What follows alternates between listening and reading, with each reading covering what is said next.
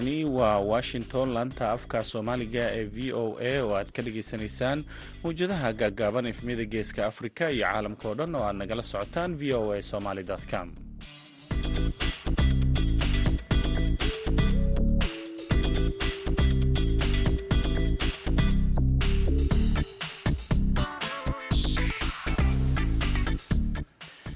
duhur wanaagsan dhegaystayaal saacadda afrikada bari waxay tilmaamaysaa kowdii iyo barkii duhurnimo washingtonna shantii iyo barkii aroornimo. Waa maalin jimco ah saddexda bisha februaayo sanadka laba kun iyo saddex iyo labaatanka idaacadda duhurnimo waxaa idinla socodsiinaya anigoo ah cabdulqaadir maxamed samakaab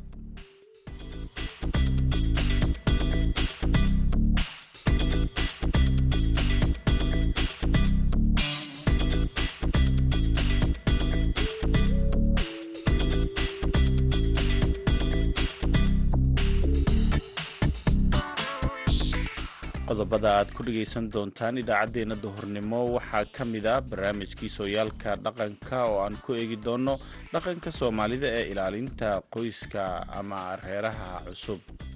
Waxa weeye sidii loo ilaalinayey waxay ahaan jirtay inata iyo inakaba odayga ama sodohdu si aanay reerkooda ciyaar ciyaar ugu duminin bay iyay u qaban jireen ay u ilaalin jireen waxaa kalooad maqli doontaan warbixin ku saabsan ilhaan cumar oo golaha koongareska maraykanka ay ka saareen guddiga arrimaha dibadda ee golaha sharci dejinta iyo kaalmihii heesaha ayaad sidoo kale maqli doontaan balse intaasoo dhan waxaa ka horreeya warkii dunida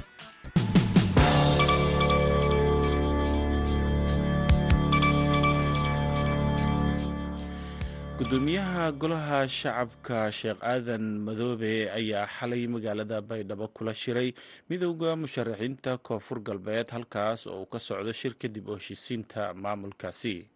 Gudoomiyaha golaha shacabka ee baarlamaanka federaalk ee soomaaliya. Sheekh aadan madoobe ayaa midowda musharaxiinta golaha badbaadada iyo madasha samata bixinta koonfur galbeed u sheegay in si habsami leh loo ambaqaado wejiga labaad ee shirka oo lagaga arinsanayo hanaanka geedi socodka nabadda iyo sidii guul looga gaari lahaa gogasha taalla baydhaba si dalka looga xoreeyo kooxda al-shabaab ayay qortay warbaahinta dowladda shirkan ayaa diiradda lagu saaray sidii xal loogu heli lahaa khilaafka siyaasadeed ee ka taagan koonfur galbeed waana markii saddexaad ee uu sheekh aadan madoobe la kulmo mucaaradka koonfur galbeed madaxweynaha soomaaliya xasan sheekh maxamuud ayaa toddobiyo tobankii bishii hore ee janaayo furay shirka dib u heshiisiinta koonfur galbeed oo ay ka qayb galeen maamulka iyo mucaaradka wuxuuna ku adkeeyey madaxda waxgaradka iyo haldoorka reer koonfur galbeed inay ilaashadaan dowladnimada nabadda iyo wadajirka heer dowlad goboleed hogaamiyaasha ururka midooda yurub ayaa jimcada maanta ah magaalada kiev ee caasimada dalka ukrain kula kulmaya madaxweynaha dalkaasi valadimir zelenski si ay ugu muujiyaan taageerada ay u hayaan dalkiisa ee ku aadan ka hortaga duulaanka ruushka uu ku qaaday iyo in la dardargeliyo dadaalka ay ukrain ugu biirayso midooda yurub iyo isbahaysiga nato gudoomiyaha midooda yurub ursula vander leon iyo shan iyo toban ka mid a guddigeeda fulinta ee ururka ayaa gaaray caasimada ukrain shir madaxeedkan ayaa ah ki shir madaxeedkan ayaa waxa uu noqonayaa midkii ugu horreeyay ee noocan oo kale ah tan iyo intii dagaalka uu ka dhacay ukrain waxaana shirkii u dambeeyey ee kan oo kale ah uu dhacay bishii oktoobar ee laba kun iyo koob iyo labaatankii markaasoo ahayd afar bil ka hor inta uusan ruushka weerarin dalkaasi leon ayaa barteeda twitter-ka ku soo qortay inaysan ka tanaasuli doonin go'aanka ay midooda yurub ku biiraysay ukrain iyo dadaalada taageerada loogu muujinayo taas oo si weyn uga caraysiinaysa madaxweynaha ruushka valadimir putin oo waxyaabaha uu sida weyn u diidan yahay ay ka mid tahay in nato ay ku biirto aan rahdee in ukrain ay ku biirto isbahaysiga nato taas oo loo malaynayo inay soo dadejisay duulaanka uu ku qaaday ukrain dhegeystayaal warkeenii dunidana waa nageynta.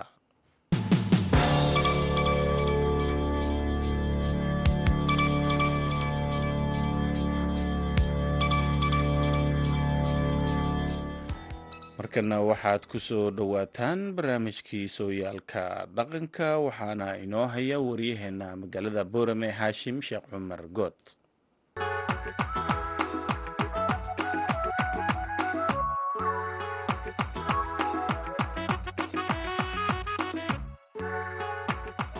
kulanti wanaagsan dhegaystayaal ku soo dhowaada barnaamijka sooyaalka dhaqanka oo toddobaadkii maalinta jimcaha aad hadahan oo kale ka dhegaysataan. Idaacadda duhurnimo ee barnaamijka dhallinyarada maanta ee laanta afka soomaaliga ee v o a barnaamijkeenna sooyaalka dhaqanka ee toddobaadkan waxaynu ku soo qaadan doonaa sooyaalkii hore ee soomaalida marka lamaanaha iscalmada aqal galaan islamarkaasina ka mid noqdaan qoysaska ku soo biiray bulshada haddaba qoyska dhallinyarada ah ee ka mid noqday qoysaska soomaalida sooyaalkii hore sidii ay u ilaalin jireen dhaqan ahaan wadajirkooda ayaan weydiiyey caaqil ibraahim maxamed riiraash oo marti inoogu ah barnaamijkeenna sooyaalka dhaqanka ee toddobaadkan. Waxa weeye sidii loo ilaalinayey waxay ahaan jirtay inata iyo inakaba odayga ama sodohdu si aanay reerkooda ciyaar ciyaar ugu duminin bay yay u qaban jireen ay u ilaalin jireen. Islaam baa damacday inay yaadeen inateedii way raraysay kolka hore reeraha inalayaal baa loodhan jiro gabadha reerku ay ka dhalataa lagu guursan jiray. Kolka dambana waa la rari jiray oo reerkii dee loo guursaday baa loo rari jiray. Dardaaran bayna dee waxba lagala hari jirin wixii dardaarana ide naagtani waxaa la doonayaa inay reerka wadatee. Waxay tidhi hooyo ninka inta kurka uun ka ilaali bay tidhi hooyo isagu kuma rarin haa intaa kurkuun ka ilaali haye waxay tidhi wax xun iyo wax san labada dhegood baa laga maqlaaye hooyo wax xun yaanu maqlin haye wax fool xun iyo wax quruxsan labada indhood baa lagu arkaaye hooyo wax fool xun yaanu arkin. Wax udgoon iyo wax qarhmuunsankaa labadaasaa laga uriyaaye hooyo wax qarhmuun yaanu urinin wax macaan iyo wax dhadham xun afkaa carabkaa lagu e hooyo carabkiisaana yaanu wax xun ku dhadhaminin intaa kurkuun ka ilaali. Intaa kurka uun ka ilaali bay tidhi. Waxaa kalood yeeshaa inta qofka aad dhashay loo quudho ha kala xishoonna ninkaaga sii bay tidhi. Eeg waa darsiimada iyo waa nuucaa moogtahay weeyi ha kala yay tidhi. Dee libaaxadoo yaa ninkii yaa dhimatay marka gabadhu ka dhimato ninka. Haa. Gabadha kale la siiyo xigsiisan baa laydhaha xigsiin baa laydhaha xigsiisan baa laydhaha haye. Waa lagu xigsiimayey maxaa xoolo dambe laga qaadi jiray ninka loo xigsiimayo waxa weeyaan marka inata hadday inan ay la habar tahay oy la aabba tahay meesha joogto yaradkii laga qaatay tii hore yaradka waa laga dhammaystee dhimatay. Tan waxaa laga qaadan jiray lix neef oo yarada tan ay la habar tahay haddii taa ay la habar tahay la waayana waxaa laga qaadanayoo tu ay la oday tahay la helana sideed baa laga qaadanaya yarada. Bal hadda eeg oon waxba la celinayn labadaa midna. Eday u tahay hadday noqotona labiyo toban neef baa laga qaadanayay. Xigsiintuna sidaasay ahayd. Gabadhii dee ka dhimatay ninkii. Dee kolkuu soo hoyday sidii loo wadayey iyo waxay siinaysuu waayey wuxuu yidhi dee labada lugood intuu isasaaruu jirjirka u seexdun buu alla yaw sheega. Waa naagtii dhimatuu sheegayaa alla yaw sheega. Dee sodohdii baa tidhi oyo kolkuu ninku soo hoyda muxuu yidhaahaa? Alla yaw sheega buu yidhaahaa. Dee farsamadii wax loo siinayey bartoo sidaa wax u siiyo sidaa u yeelo sidaa u yeelo sidaa u yeelo. Kolkay dee wixii ay aw helay buu yidhi. Alla yaw sheegay. Alla yaa iigu sheegay buu yidhi. Dadka hore ama hal xidhaalo ama maah ama waxbay sidaasay isugu sheegi jireen. Waxaa loo sheegayna wuu qaadanaya kaa sheegayana run buu ka sheegayay.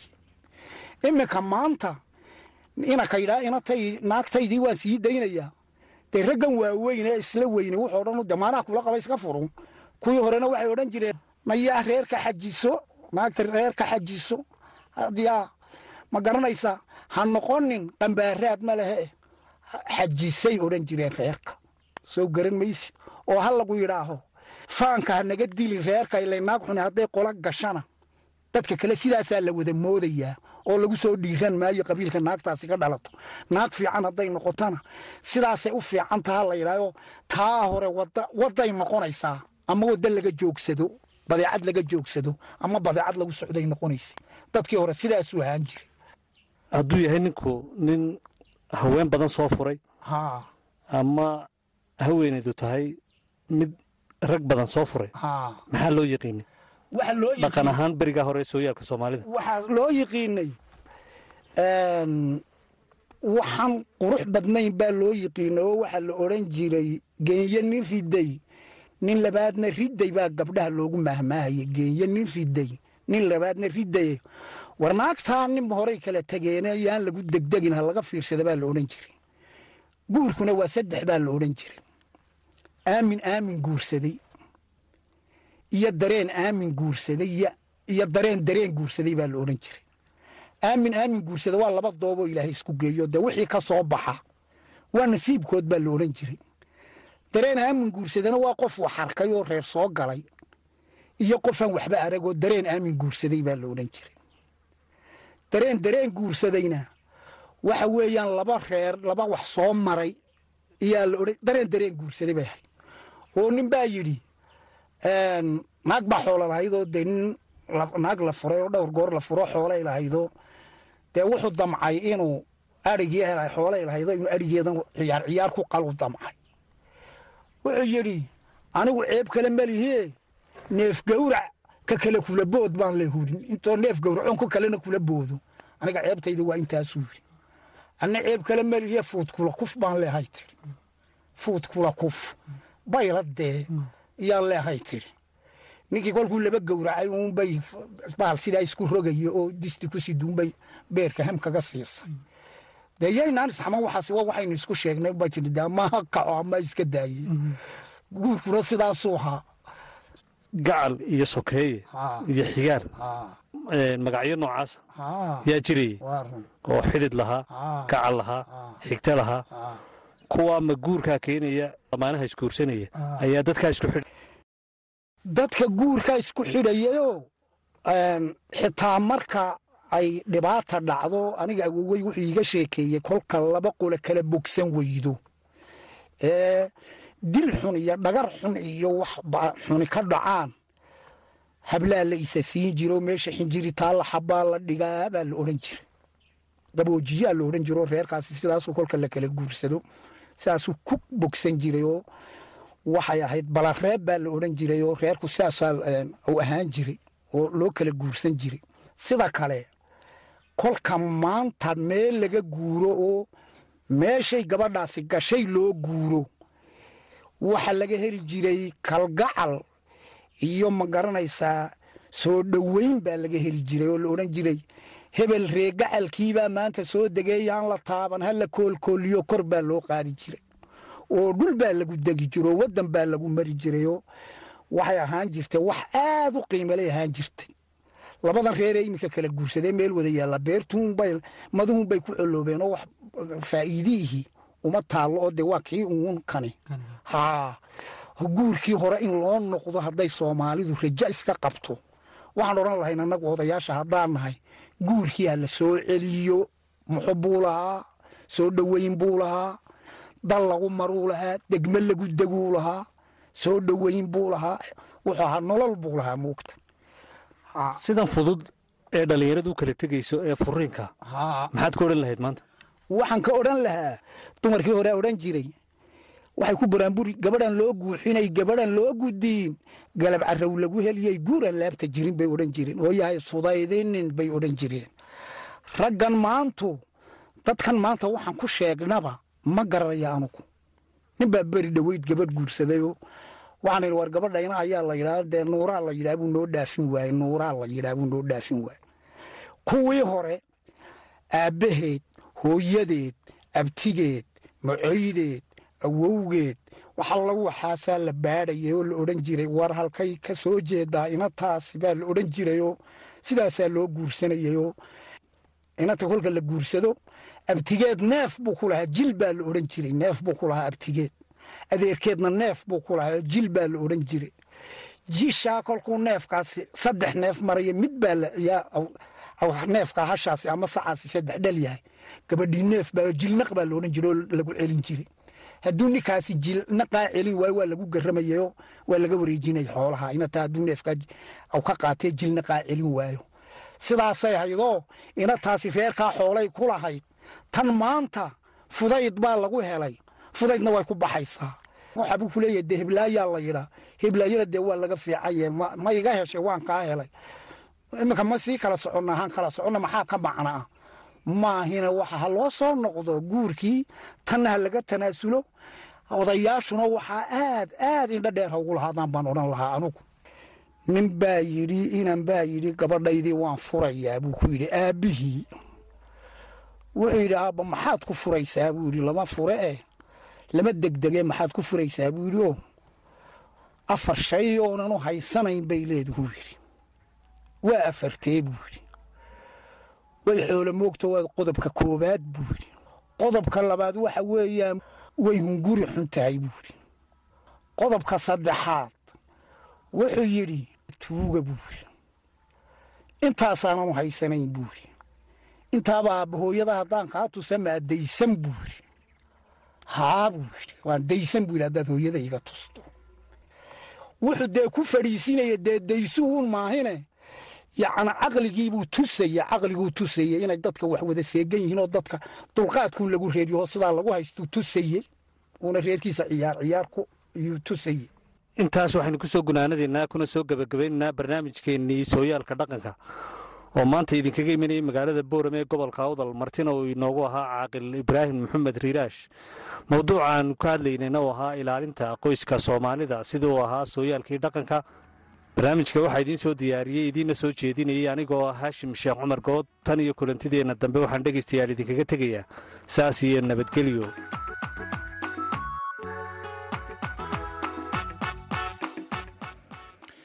Aad ayuu u yahay haashim sheekh cumar good oo nala socodsiinayay barnaamijkii sooyaalka dhaqanka. Markana maraykanka xubnaha jamhuuriga ee aqalka wakiilada maraykanka ayaa shalay u codeeyey inay ilhaan cumar oo dimuqraadi ah ka saaraan guddiga arrimaha dibadda iyagoo ku eedeeyey hadallo ka dhan ah israa'el waxaana tallaabadan ay sii xumeyneysaa xiisadda siyaasadeed ee labada xisbi.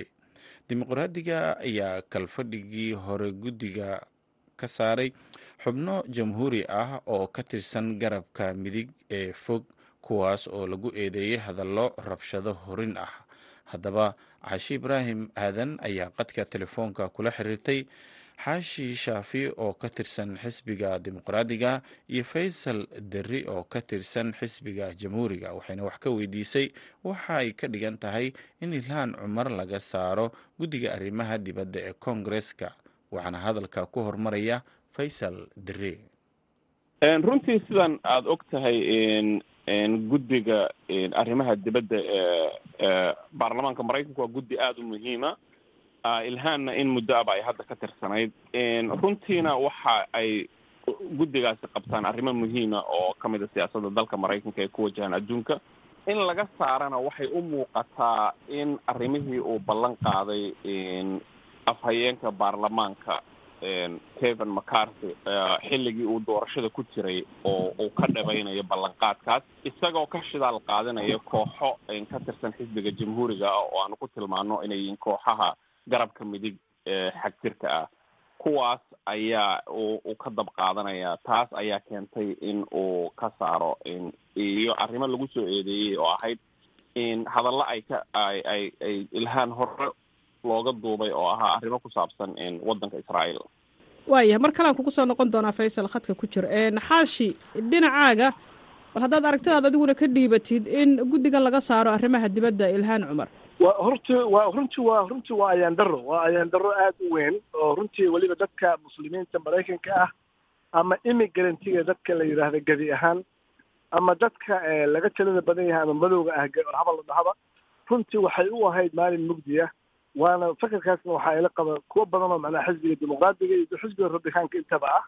Middan maysan ahayn mid xisbi ah oo su walaalkay faysal u sheegay ninka afhayeenka ama aqalka afhayeenka u ah aqalka golaha shacabka maraykanka ballanqaadyadiisiibaa ku jirtayba inuu dagaal la galo ilhaan iyo kuwo badan oo la mid ah. Haddana wuxuu eed ooga dhigayaa hadalla hadda ka hor ay ka tiri israael oo runtii hadalla oo ina haba yaata haddii hadallada ay xun yihiinna xisbigeeda labada boqol iyo dhowr iyo saddexda ah iyo dhowrka ah lama aysan safteen. Oo ma aysan ku ahayn wax oo cid gooni ay ku durayso ma ahayn. Laakiin wuxuu ahaa bolosiya loo baahan yahay. Weliba haddaad dib u fiiriso xataa idaacadaha waaweyn sida washington post iyo new york times waxayba leeyihiin ilhaan waxay ahayd qof bulshada maraykanka fahmaayeen waayo waxay ka hadli jirtay ama ay idea ka dhiban jirtay wax badan oo loo baahnaa in laga hadlo laga hadli jiray. Marka waxaan u aragnay inay ahayd runtii waxaa ka sii naxnay ma aha keliya makati iyo naceebkiisa iyo xagjirnimadiisa balse waxaa makaag noqotay. Xisbigii republicaanka ahaa aan ka ahayn laba qof keliya. Inay gedi ahaan ay israacaan oo weliba ay ka mid yihiin kuwa anaga nala degan stateskeenna oo meelaheena xaafadeheena qaarkood laga doorto weliba xaafadaha soomaalida degan tahay magaalooyin ka mid a oo islahelalisti waaba ka sokeeyaan kuwa xagjirada kale ah. Inay ayaga laftooda qayb ka ahayeen aad bay noo taabatay. Marka ma aha keliya runtii hadday ay dhib geysatay dee xisbiga dimuqraadiga yuhuud badan baa ku jirta. Ayagana oga rabitaanka dimuqraadiga dimuqraadiga uga badan yihiin. Laakiin ma aysan ahayn cid gaar ah. Laakiin wax kale ma ahayn wuxuu ahaa islamic phobiaha socdo maraykanka ayaamaan xooga ku hayoon buu ahaa. Iyo naceybka dadka ay abuurayaan. Marka waa ayaan darro laakiin waxaan leeyahay kolley cashir baan ka baranay ilhaanna waxaan filayaa codkeedii intay joogtana way ugu adeegtay dadka constituencygeeda iyo dadka muslimiinta oo codka lahayn iyo madowgaba haddana waxaan rajeynayaa inay insha allah ay soo noqon doonto. Hadda waxay waday weliba bill waxay waday oo lagu taageeraya africa oo ah qaybta foreign policy oo ku saabsan ku wajahan africa sidii ay maraykanka oola noqon lahaayeen dowladda maraykanka oo africa oola noqon lahayd wadamo xor ah ama inay ula xisaabtamaan u garab istaagaan oo ay ka dhaafaan inay keliya in wadamo ayl la siiyo cabsi laga qado keliya loola dhaqmo. Arrintan ka saarista ilhaan cumar ee guddiga arrimaha dibadda laga saaray. Ma arrin ugub ku abaa gudaha congaresska mise horey u dhici jirtay in guddiyada xubno ka mida laga saaro? Run ahaantii waxyaaba waxaa jira arrimo siyaasada ma dhici jirin sidaan taariikhda maraykanka la soconno in in xubin baarlamaana guddi laga saaro ka saaridda guddiga sannadkii labada kun iyo koob iyo labaatankii waxaa bilaabay xisbiga dimuqraadiga bilaabay kadib laba shaksi oo ka tirsanaa baarlamaanka maraykanka oo ka mid ahaa xubnaha jamhuuriga. Markii ay ka saareen midna lagu soo eedeeyey inay isbarbar dhigtay qaanuunkii lagu soo rogay aafadii covid nineteenka iyo xasuuqii loo geystay yuhuudda xilligii jarmalka uu midna uu soo bandhigay cartoon uu ku matelayay isagoo dilaya xubin kale oo baarlamaana. Labadaa marka waxaa laga saaray guddiyadii oo dhan. Marka taasi waxay keentay in kooxahan garabka midig ee jamhuurigu ay mar walba doonayeen inay arrintaas ka aargutaan oo ay ay ka saaraan xibno ka tirsan xisbiga dimuqraadiga. Sidaan ognahay laba kalaa laga saaray. Labadaas ayagu marka cod umay baahnayn waxay ahaayeen kuwa la la soo magacaabo waxayna ku jireen guddiga sirdoonka ee ee baarlamaanka ku jireen labadaa horaa looga saaray. Ilhaan qofkii saddexaad ee hadda laga saaray noqoto iyada waxaa laga saaray arrimaha dibadda kaasu wuu ka duwan yahay guddigana wuxuu ugu baahan yahay in loo codeeyo. Marka muhiimadda waxaa ka waxay muhiimadda uun hadda meesha taalla waxa weeye maxaa iyada loo bartilmaamaysay taasaa wax weyn ka dhigaysa.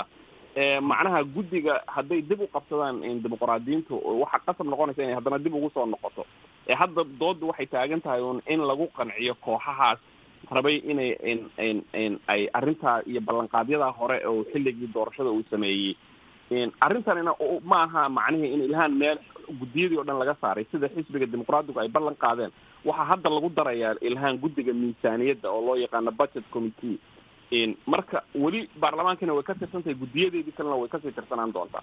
Waayahay xaashi mar haddii arrintan ay hore u soo dhacday oo aanay ahayn arrin uguba in guddiyada congareeska laga saaro xubno ku jira maxaa hadda ka saarista ilhaan cumar ee guddiga arrimaha dibadda laga saaray? Marba haddii guddiyo kale ay soo gelayso waxa runtii waxay kaga duwan tahay labadii hore suu walaalkay faysal u sheegay eedooyin waxaa yaalay miiska saarnaa oo ah isbarbardhigii ay sameeyeen holocaustigii ay sameeyeen yuhuudda lagu sameeyey jarmalka ku sameeyeen iyo isbarbardhigkii ahaa madaxweynahii inuu yidhaahdo maxaan ku ku saabsanayd covid nineteenka inay isbarbar dhigaan kaas waxay ahayd khalad oo khalad keliya ma ahayna banishable ah taas waxaa waa la qaataa bay ahayd laakiin ma jirin gabadheena maanta ilhaan wax haba yaraatee xadgudub heerkaas ama u dhow ay samaysay aan ka ahayn suu walaalkay faysal u sheegay.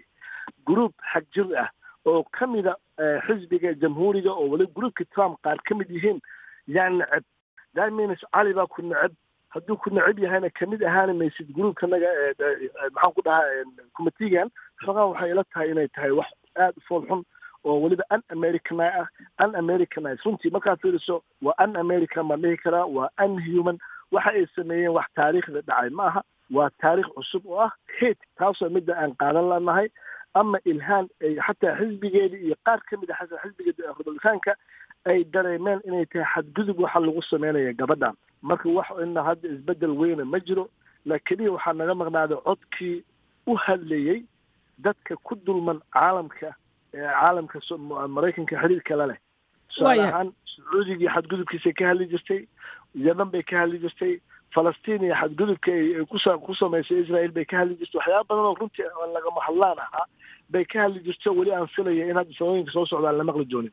Waa yahay. Waxaan siinayaa faysal dari maxaa ku dar lahayd runtii un waxa muhiima oo dadka khaasatan soomaalida ah ee degan dalka maraykanka muhiim u ah in ay wadaan ololaha ku salaysan siyaasadda maraykanka ee ku wajahan dalka maraykanka macnaha shaksi hal shaksi ama laba shaksi waxba kama bedeli karaan laakiin waa inay culays miisaaniyada saaraan khaasatan jaaliyadaha soomaalida dalkan maraykanka degan sidii siyaasadda maraykanka ee soomaaliya ku wajahan wax looga qaban lahaa looga bedeli lahaa arrimaha nabad nabadgelyada soomaaliyana uu maraykanku kaalin muhiima uga qaadan lahaa iyo dib u dhiska labadaba halka uu caawimo hadda deg dega keliya uu siiyo marka arrimahaasna jaaliyaddu si wadajira ayay uga shaqayn kartaa haddii ay yihiin dad xisbiga dimuqraadiga ka tirsan iyo jamhuuriga ka tirsan. Marka in arrimaha la iska kaashado ayaa u muhiima. Maraykanku meeshuu aadana adduunku siyaasadda arrimaha dibadda kaalin mugle ayay ka qaadataa. Waaya faysal waxaan mar kale si kooban ugu laabanayaa xaashi. Markaan fiirino jaaliyadda soomaalida dalkan maraykanka degan iyo soomaalida guud ahaan meel kastay caalamka ka joogto. Maxay muhiim ugu ahayd in ay guddigan arrimaha dibadda ka mid ahaato ilhaan cumar. Runtii ma ahayn keliya ma aysan keliya ahayn cod oo runtii aanan hore u jirin inay noqotay ilhaan. Balse waxay ahayd qofta keliya muslimiinta maraykanka toban milyan ku dhowaada keliya ee taariikhda u soo gashay bosishinka heerkaasi gaadhay balse af buuxa ay maanta ku taageereen muslimiintii maraykanka deganay dhan ee dareemeenna in la midab soocayo ama la ama la diin soocayo dadka muslimiinta target waxaa looga dhigta ilhaan ay middaa tahay. Laakiin waxaa isbeddel aan is leeyahay wuxuu ku iman karaa ko representationkaasoo naga maqan issueskeena suu walaalkan faysal u sheegay maanta.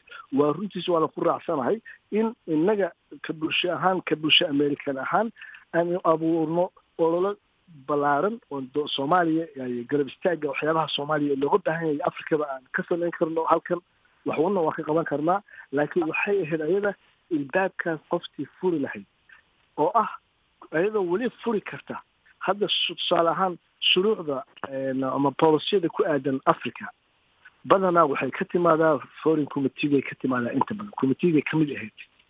Policy bay shalay maalinka talaadaheed ay soo daabacday runtii biil bay soo diyaarisay oo ahaa keliya in la baasgareeyo oo ku saabsan africa suu hadda faysal u sheegay sidii loogu qiimeyn lahaa inay yihiin dad yow iyo wadamo kala duwan oo sida maraykan uu waddan u yahay u ah loola xisaabtami lahaa ee aan loola xisaabtamin keliya in baahidooda iyo cabsi laga qabay dad laga cabsanayo sidii loo ilaalin lahaa keliya laga loo fisho soomaaliyana wadamadaasi ka mid tahay soomaaliya maraykanka maanta xiriirka ay u baahan tahay waxaa weeyaan aan awoodno inaan u sameyno ayadana af ay nagu noqotay ama ay noqon karto ama ay ahayd waa runtii waxaan ka bedeli karnaa soo hadda faysal u sheegay in dhinaca securityga iyo aidka keliya aan laga egin ee developmentka iyo horumarka waddanka inaan kala shaqeyno waanan awoodnaa ka shacab ahaan marka waa mahadsanta waxay ila tahay runtii ilhaan waa la tabayaa waa laga tabayaa xagga committeegaas laakiin weli wayna joogtaa wayna soo noqon doontaa insha allah way mahadsan yihiin faysal diri iyo xaashi shaafi oo u waramayay caashi ibraahim aadan idaacaddeenii duhurnimona